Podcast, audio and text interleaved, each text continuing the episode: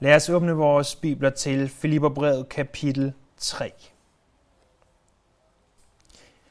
Filipperbrevet er et brev, der viser os, hvad det vil sige, at Jesus han er vores alt. At Jesus er vores et og alt. Vi så i kapitel 1, at hvis Jesus er vores alt, så er han også vores liv så så vi i kapitel 2, at hvis Jesus er vores alt, så er han også vores eksempel. Øh, når vi så kommer til kapitel 3, så skal temaet, eller det som, som vi ser, at når Jesus er vores alt, det skal findes der i vers 14, hvor, der, hvor Paulus skriver, jeg jager efter målet, efter sejrsprisen. For hvis Jesus er vores alt, så er han også vores mål. Og det er det, vi skal se på i dag. Hvad vil det sige, at Jesus han er vores mål? Vers 1-6. I øvrigt, mine brødre, glæd jer i Herren. At skrive det samme til jer igen og igen, det gør mig ikke træt, men det slår det fast for jer. Vogt jer for hundene. Vogt jer for de slette arbejder. Vogt jer for de skamskårne. Det er os, der er de omskårne, og som tjener ved Guds ånd, og har vores stolthed i Kristus Jesus, i stedet for at stole på noget ydre. Og dog, også jeg har noget at stole på selv i det ydre. Hvis nogen anden mener at kunne stole på noget ydre, så kan jeg det endnu mere. Jeg er omskåret på 8. dagen, Israelit af fødsel, af Benjamin stamme, hebræer hebræer, lovtro farisæer, ivrig forfølger kirken, og jeg er uangribelig i lovretfærdighed. Øh, Paulus, han øh, så det som en central del af sin tjeneste, at advare imod falsk lære. For ham var det endda også en glæde. Øh, han siger tre gange her i vers 2, vogt jer, vogt jer, vogt jer. Dem, som han siger, de skal vogte sig for, er nogen, som muligvis ikke har taget plads i den filippiske menighed endnu. Men de kunne risikere at komme. Han omtaler dem som hundene, som de slette arbejdere og som de skamskårne. Øh, vi kunne opsummere dem som det, vi øh, rent historisk set kender som judaisterne. Judaisterne, det var en gruppe af mennesker, der sagde, vi er kristne.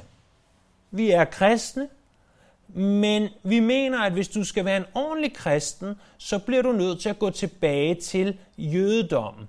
Det vil sige, vi tror på Jesus, men der er ting fra jødedommen, som vi bliver nødt til at overholde. Vigtigst deraf er omskærelsen. Derfor så bruger han ordet skamskårende om dem, fordi at de er øh, måske omskåret, men de er ikke omskåret i deres hjerter og kun på deres læmer. De gjorde det, at de sagde, vi tager et ydre ritual og gør til vores mål. Øh, vi, vi tager noget ydre, noget som folk kan se på, og så siger vi, det er det, som viser, at vi er frelst. Det er det, som frelser os måske endda. Men Paulus han siger, hvis noget ydre kunne frelse os, hvis et ritual eller ydre øh, attributter kunne frelse os, så vil jeg være den mest frelste person, der nogensinde eksisterede, og det er uden Jesus. Fordi øh, jeg har syv forskellige ting, jeg kan opliste om mig selv, som var ydre ting. Ting, som, som jeg kunne bryste mig af og sige, jeg er et fantastisk menneske. Han siger, jeg var omskåret på 8. dagen. På den dag, som Moses foreskrev, på ingen anden dag, på den helt rigtige dag, blev jeg omskåret. Jeg var israelit af fødsel. Jeg kom ikke senere og sagde, at jeg godt kunne tænke mig at følge den jødiske Gud. Nej, jeg blev født som israelit. Jeg kom ud af Benjamins stamme, og øh, Benjamins stamme havde øh, for flere forskellige årsager en vis status. For det fjerde, så var jeg en hebræer. Jeg var født af hebræer. Og det betyder altså, at han var ikke opdraget som græsktalende jøde, men som hebraisk talende jøde. Øh, med en hebraisk kultur. Jeg var farisæer. Jeg var fra det strengeste parti i jødedommen. Jeg var fra det parti, der ønsker at holde loven til fingerspidserne. Jeg var ivrig forfølger af kirken. Han gik så meget op i det, han troede på, at han var villig til at forfølge mennesker skabt i Guds billede. Ja, faktisk var jeg uangribelig i lovretfærdighed. Der var intet at udsætte på mig, når det kom til lovens ydre krav.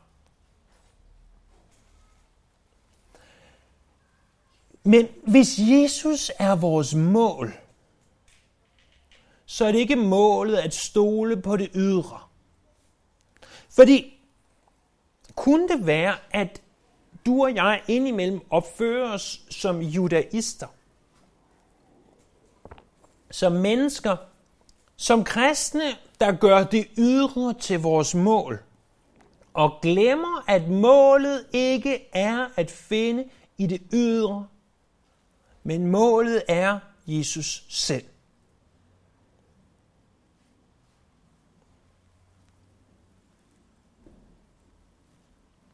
Er det, at hvor meget vi når at læse i Bibelen, hvor lang tid vi beder, hvor meget vi donerer, hvor meget tid vi bruger, hvordan vi ser ud, hvordan vi agerer. Hvis det er de ting, du gør til dit mål, jeg går til mit mål, så er mit mål forkert. Så skyder jeg forbi målet. For målet er ikke dine åndelige præstationer. Øh, tænk på, når Paulus nævner de her syv ting, det er jo ikke, mest er det selvfølgelig at forfølge dårligt og, og ikke en god ting, men det meget af det er ganske neutralt. At han var benjamit, eller israelit, eller hebræer af hebræer. Det var ikke noget, han kunne ændre på. Det var ikke noget, han kunne gøre for. Det var ikke noget, der i sig selv var dårligt. Men hvis han sagde, det gør, at jeg tror, jeg er et mere retfærdigt menneske, så var det noget dårligt.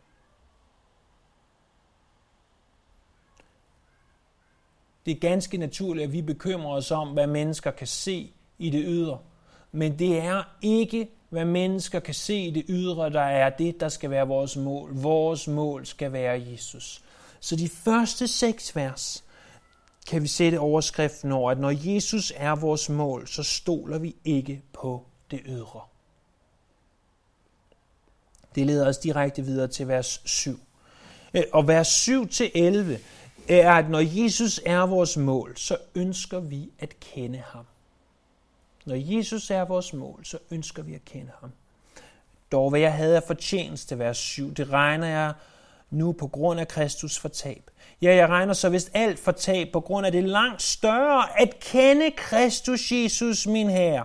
På grund af ham har jeg tabt det alt sammen, og jeg regner det for skaren, for at jeg kan vinde Kristus og findes i ham, ikke med min egen retfærdighed, den fra loven, men med den, der fås ved troen på Kristus, retfærdigheden fra Gud grundet på troen, for at jeg kan kende ham, hans opstandelseskraft og, lidelse, og lidelsesfællesskabet med ham, så jeg får skikkelse af hans død, om jeg dog kunne nå frem til opstandelsen fra de døde. For Paulus stod det helt klart. Det kan godt være, at jeg var født israelit og hebræer, hebræer og øh, farisæer og så videre. Men øh, når jeg ser på alt det, så er det, som jeg før så som en fortjeneste, det regner jeg for et tab. Jeg regner det for et tab på den måde, at det nu rent faktisk arbejder imod mig, frem for at arbejde for mig. Der er en ganske god illustration her i Apostlenes Gerninger 27, hvor det samme udtryk bruges. Her er Paulus og hans følgesvend ombord på et øh, skib på vej til Rom. Paulus var ombord som fange. Skibet havde ikke kun øh, fanger ombord, de havde også en last ombord. Lasten var som udgangspunkt en fordel for skibet, fordi lasten ville kunne give øh, en vis form for, øh, for profit. Men i det, at skibet pludselig kommer ind i en stor storm, så bliver lasten ikke bare neutral. Lasten arbejder direkte imod skibet. Fordi lasten tynger skibet ned, og de er nødt til at give slip på lasten. Og sådan kan vores religiøse præstationer også være det.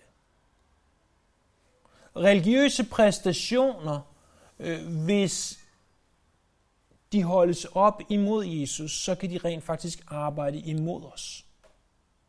Fordi hvis vi tror, at de religiøse præstationer er vores mål, så vil det rent faktisk være sådan, at vi fokuserer for meget på dem, så vi glemmer det, det egentlig drejer sig om, nemlig en person, nemlig Jesus selv. Men Paulus stopper ikke der. Det er ikke bare religiøse præstationer. Han siger, at jeg regner alt for tab, vers 8, på grund af det langt større at kende Kristus Jesus, min herre. For jeg håber, du ved, at det ikke bare er det, at du tror, at din bibellæsning og din bøn og dine almiser og så videre, at det er det, der gør dig retfærdig. Det, det håber jeg, du ved, at det i sig selv gør dig ikke retfærdig. Men der er også andet, vi kan stole på. Vores tegnebog. Vores forsikring. Vores uddannelse. Og hvor hårdt det end må det lyde, vores elskede familie. Og, og hvis vores tillid først og fremmest findes i de ting. Hvad end det er de religiøse præstationer, eller hvad end det er jordiske goder.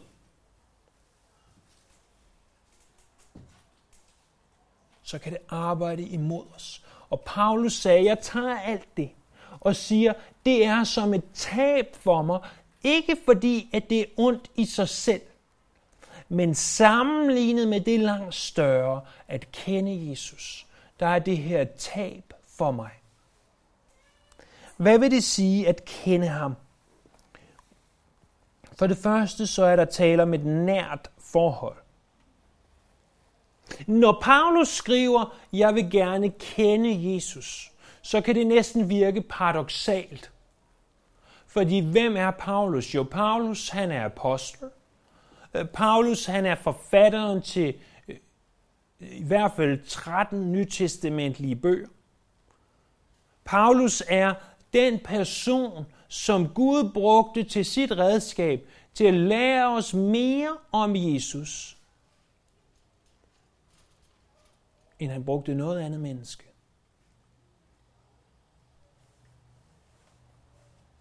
Så jeg ved godt, at ingen af os kender Paulus sådan, andet end hvad vi kender ham igennem Bibelens side.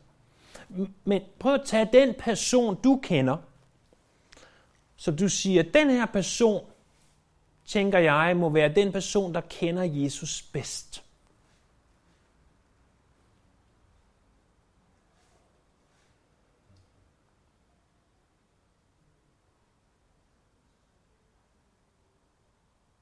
Tænk over den person et øjeblik. Og, og så sig, Sådan var Paulus. Paulus kendte Jesus. Så det virker næsten paradoxalt, at han siger, at kende ham. Hvorfor kan Paulus sige det? Fordi Paulus har erfaret, at uanset hvor godt jeg kender ham, vil jeg altid kunne kende ham bedre. Fordi at kende ham er ikke at kende til ham. Det er ikke at vide, hvor han blev født i Bethlehem, eller hvornår han blev født, eller hvad han sagde. De ting er vigtige, men det betyder ikke, at du kender ham. Du kan sætte dig ned og læse øh, biografi efter biografi om dronning Margrethe. Købe samtlige udgaver nogensinde af billedbladet. og øh, øh hvad du nu ellers kan finde på. Men det betyder ikke, at du kender dronningen. Du kender en masse fakta om hende, men du kender hende ikke.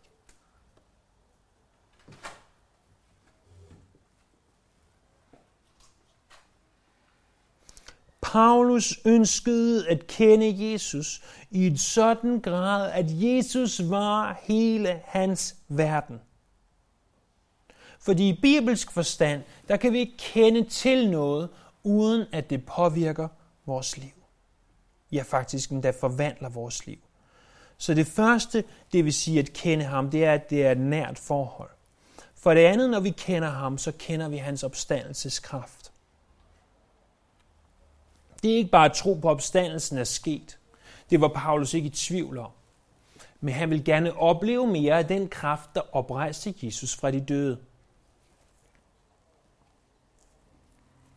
Jeg ved ikke med dig, men der gik ikke længe efter jeg blev kristen, at jeg erfarede, at det at leve det kristne liv ikke var særlig nemt.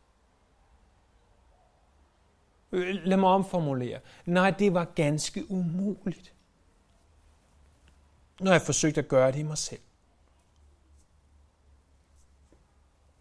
Jeg vil gerne læse i Bibelen. Jeg vil gerne bede. Jeg vil gerne give. Jeg vil gerne være et bedre menneske. Og, og selvom vi alle sammen godt kan gøre en del af de ting i vores kød, så vil det aldrig have en effekt, en varig effekt. Det vil aldrig være effektivt, hvis vi ikke lader Guds opstandelseskrafts ånd arbejde igennem os. I Romerbrevet kapitel 8, vers 11 står der, når hans ånd, som oprejste Jesus fra de døde, bor i jer, skal han, som oprejste Kristus fra de døde, også gøre jeres dødelige lemmer levende ved sin ånd, som bor i jer. For når vi lader Guds ånd arbejde igennem os, så bliver det muligt at leve det kristne liv. Og, og så siger du, hvordan kan Guds ånd arbejde igennem os? Spørg. Sig, til, sig i din bøn, jeg har svært ved at leve det kristne liv. Vil du ikke nok ved din ånd? Hjælp mig til at leve det kristne liv. Hjælp mig til at bede. Hjælp mig til at læse i Bibelen. Hjælp mig til at være det menneske, du kalder mig til. Hjælp mig til ikke at synde. Det tredje, som det her at kende Kristus betyder, det er et lidelsesfællesskab. For det er ikke bare opstandelseskraften, det er også lidelsesfællesskabet. Der er ikke tale om et eller andet stigmata, mærkeligt, mystisk i det her tilfælde.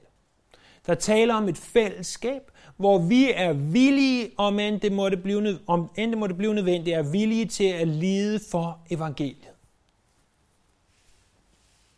Jeg, er ikke, jeg ved ikke, hvad det betyder for dig.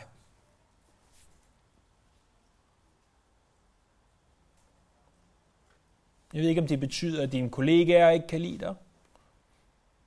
Eller om der bare er ting, du ender med at sige nej til, som den, der ikke er kristen, vil have sagt ja til. Jeg ved ikke, om det betyder at lide i forhold til den tid, som du har sammen med din familie. Det kan da være noget af din nattesøvn, der kommer til at lide, fordi at du prioriterer at gå senere i seng eller stå før op for at læse i din bibel. Og det er meget, meget små lidelser sammenlignet med de lidelser, som brødre og søstre rundt omkring i verden lider for evangeliet. Men lad os ikke negligere det alt for meget. Der er dog tale om lidelser.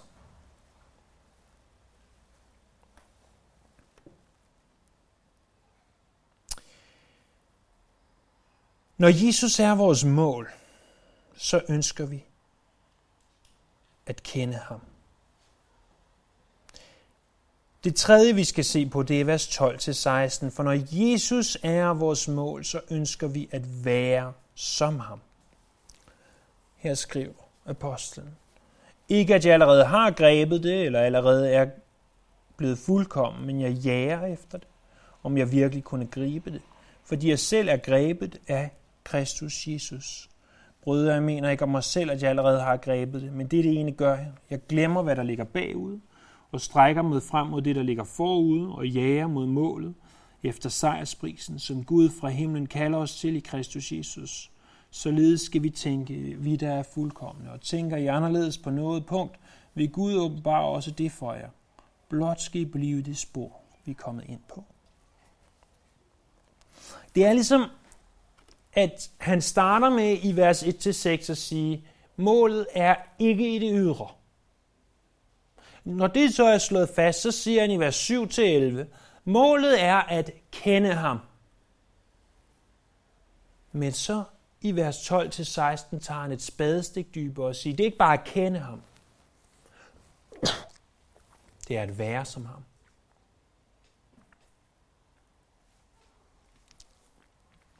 Og Paulus illustrerer det her med noget, som man i den antikke græske verden kendte ganske godt til, nemlig det klassiske 200 meter løb, en sprint tværs over stadion, med målet for øje, med sejrsprisen i tanker. Og så siger han, for det første, så må løberen have den rette indstilling. Hvis løberen tror, han allerede har vundet, så er der en rigtig stor risiko for, at han ikke vinder. Det er derfor, han siger, jeg har ikke allerede nået det. Jeg har ikke grebet det. Jeg er ikke fuldkommen. Fordi det menneske, det kristne menneske, der tror, at han eller hun er der, hvor han eller hun skal være, det menneske befinder sig et ganske farligt sted. Hvis du kan sige, jeg har læst nok i Bibelen.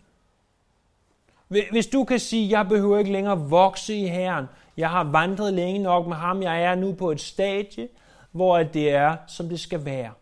Så befinder du dig et farligt sted, for så tror du, at du har nået målet.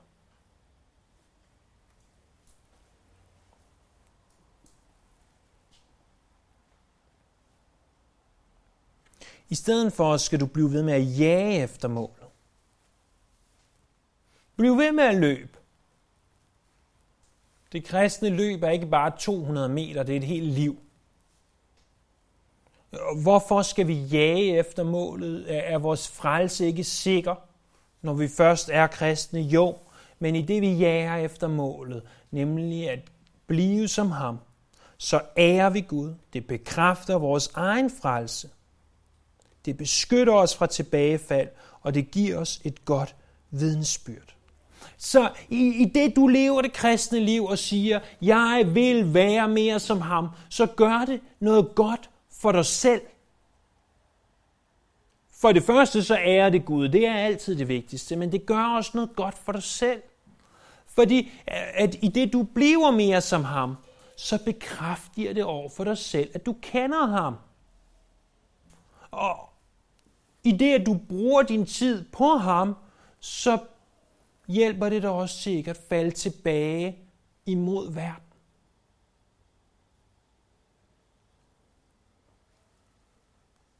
Derudover så giver det os også et godt vidensbyrd over for omverdenen. Så løberen må altså have den rette indstilling. Han må passe på, at han ikke tror, han har vundet, og han må blive ved med at jage efter målet. Men for det andet, så må løberen også have den rette udøvelse. Øh, løberen må glemme det, der ligger bagud. Det tåbeligste en løber i en sprint kan gøre, er at se sig bagud, for at se, hvor tæt modstanderen ligger på ham. Gør han det, kan han lige så godt sætte sig ned og sige, jeg har tabt på forhånd. Det kan ganske vel gå galt. Ganske vist var hun ikke en løber, men hun var nødt til at løbe. I det, at hendes mand havde fået at vide, at byen ville blive udslettet af ild fra himlen. Og i det forestiller jeg mig, at Lots hustru pakker sin vigtigste ejendel sammen – og iler efter sin mand og sine to døtre, far tusindvis af tanker igennem hovedet på hende.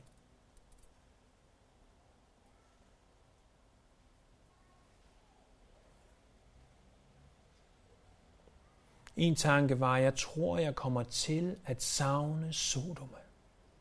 Jeg tager et sidste kig. Og også selv om hun var blevet fortalt, lad være med at se dig tilbage.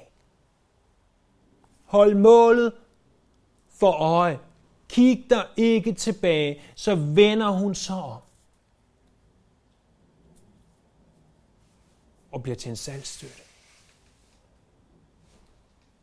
Og Jesus siger om hende, husk Lots hustru. Ikke fordi hun var noget stort og vigtigt, men fordi hun er et skræmmende eksempel på en kvinde, der fik udvejsbilletten. Der fik muligheden for at slippe for ødelæggelsen. Men hun så sig tilbage. Hun så tilbage på verden med længsel i sit blik.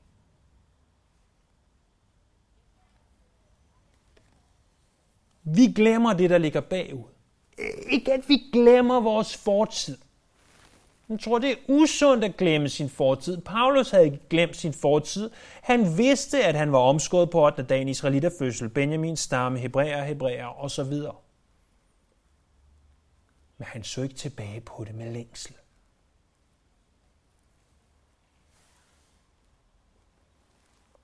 I stedet for er den rette udøvelse.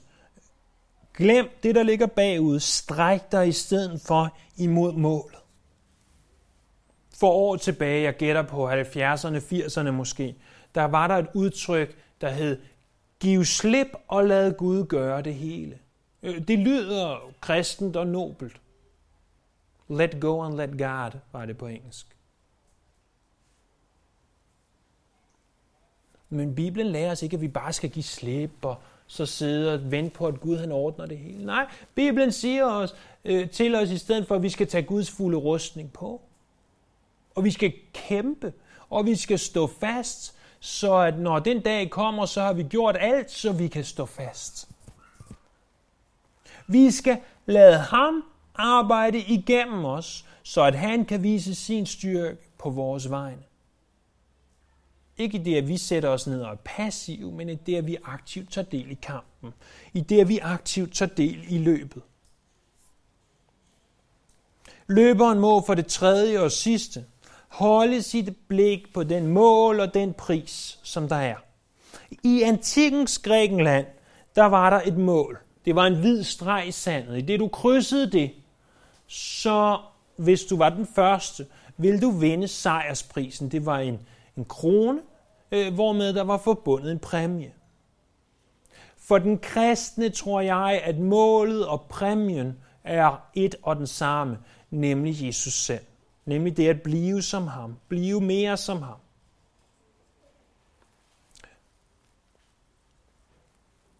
Gud frelste dig ikke for, at du skulle blive en bedre person. Han frelste dig for, at du skulle blive som Jesus. Og selvom vi aldrig, aldrig, aldrig når dertil, må vi blive ved med at stræbe efter det.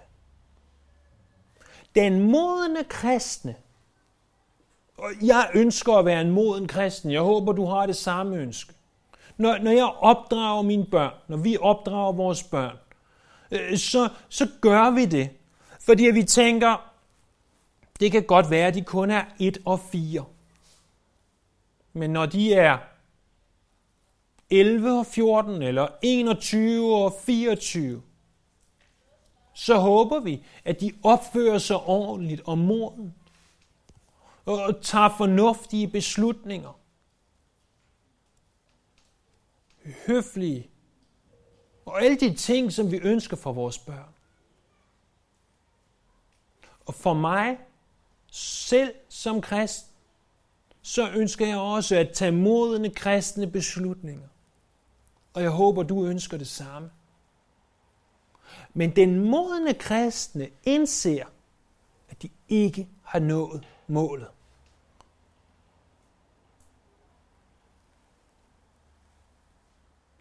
At der stadigvæk er behov for forbedring. At vi stadigvæk kan blive forvandlet i Jesu billede. Den fjerde og sidste ting, vi skal se i kapitlet, er i vers 17-21, hvor vi skal se på, at hvis Jesus er vores mål, så ønsker vi at være med ham. Øh, kan du se, øh, først så starter det med, at hvis Jesus er dit mål, så ved du, at det ikke er det ydre, der tæller. Hvis Jesus er dit mål for det andet, så vil du kende ham. Og for det tredje, hvis Jesus er dit mål, så vil du være som ham. Og nu det ultimative. Hvis Jesus er dit mål, så vil du være sammen med ham. Vers 17-21. Efterlign mig, brødre, og se hen til dem, der lever efter det forbillede, I har i os. For der er mange, jeg har ofte nævnt den for jer, med, øh, og jeg, for der er mange, jeg har ofte nævnt den for jer, og nu nævner jeg dem for jer med gråd, som lever som fjender af Kristi kors de ender i fortabelse. Buen er deres Gud, og de sætter en ære i deres skam. De tænker kun på det jordiske. Men vort borgerskab er i himlen. Derfor venter vi også Herren Jesus Kristus som frelser. Han skal forvandle vores fornedrede læme og give det skikkelse, som hans herliggjorte læme, med den kraft, hvormed han kan underlægge sig alt. Den kristne ønsker ikke alene at kende ham, ønsker ikke blot at blive som ham. Men han stræber efter målet, øh, at være sammen med ham. Og hvilken vidunderlig dag, når vi kan få lov til at have det, som Bibelen beskriver som et ansigt til ansigt fællesskab med vores frelser. Øh, Paulus han opstiller en kontrast i de her vers. Han siger, på den ene side, så er der de mennesker, der lever for det nutidige, for det her og nu, for det sygelige.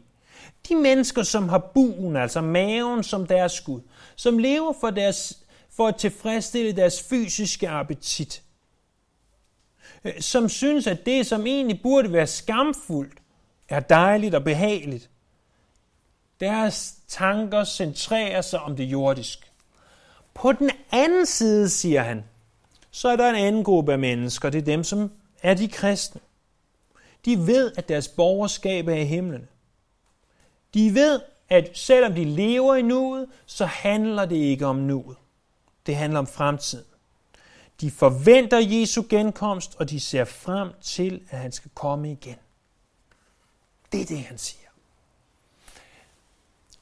Men det her ord borgerskab, det har en speciel betydning for menigheden i Filippi. For Filippi var en romersk koloni.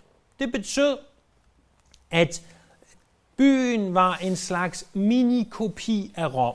Ikke nødvendigvis i den måde, hvorpå gaderne var arrangeret, eller byens bygninger, men de havde en del af de samme privilegier, som dem, der boede i Rom havde.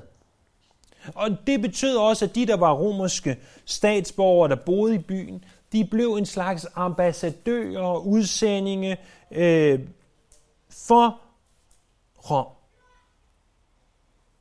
Mm, således, når en udefrakommende så på Filippi, øh, og måske aldrig selv noget til Rom, så vil han kunne sige, at jeg har en god fornemmelse af, hvordan Rom vil være, når nu jeg har været i Filippi.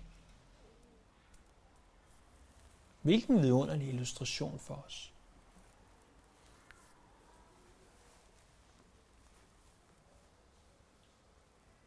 Forestil dig et menneske, som ikke kender Jesus.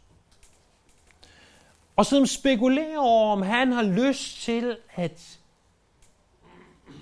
have en fremtidig bolig i den himmelske by.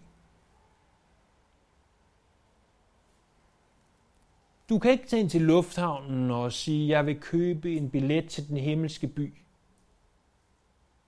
Øh, du kan ikke slå op et rejsekatalog og finde ud af, hvordan den himmelske by vil være.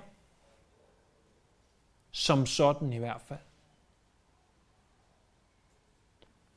Men du kan gøre noget andet. Du kan se på den koloni, som himlen har her på jorden. Det er en koloni, der består af alle de, som er kristne. Og når de, som kommer udefra og spekulerer over, kunne jeg tænke mig en dag at rejse til det sted, der hedder den himmelske by, så ser han på den koloni af mennesker, der repræsenterer koloni. Og må det så vil give ham lyst til at rejse til den himmelske by? Eller vil han blive frastødt af det, han ser?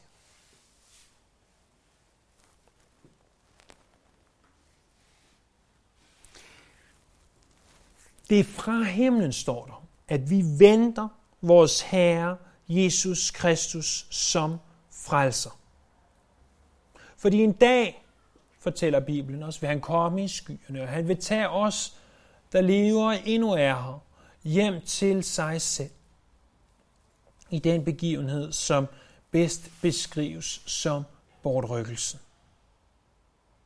Og så skal vi altid være sammen med Herren.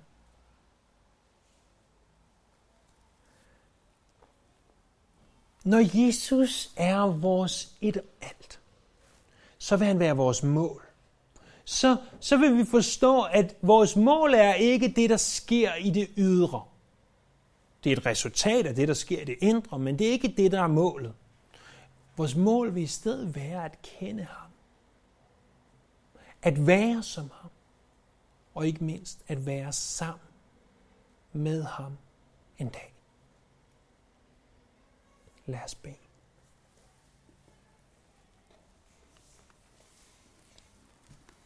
Himmelske Far, tak for dit ord til os igennem Filipperbrevets tredje kapitel. Tak, at du taler. Den gang som nu. Og jeg beder, at det, som du måtte have talt til hver enkelt af os, at vi ikke må glemme det, når vi går herfra. I hverdagens gøremål men at du vil minde os om det igen og igen. Indtil det er med til at forvandle os, forandre os, gøre os til de mennesker, som, som kun du kan gøre os til. Vi tilbeder dig, vi ærer dig, og vi priser dig. Amen.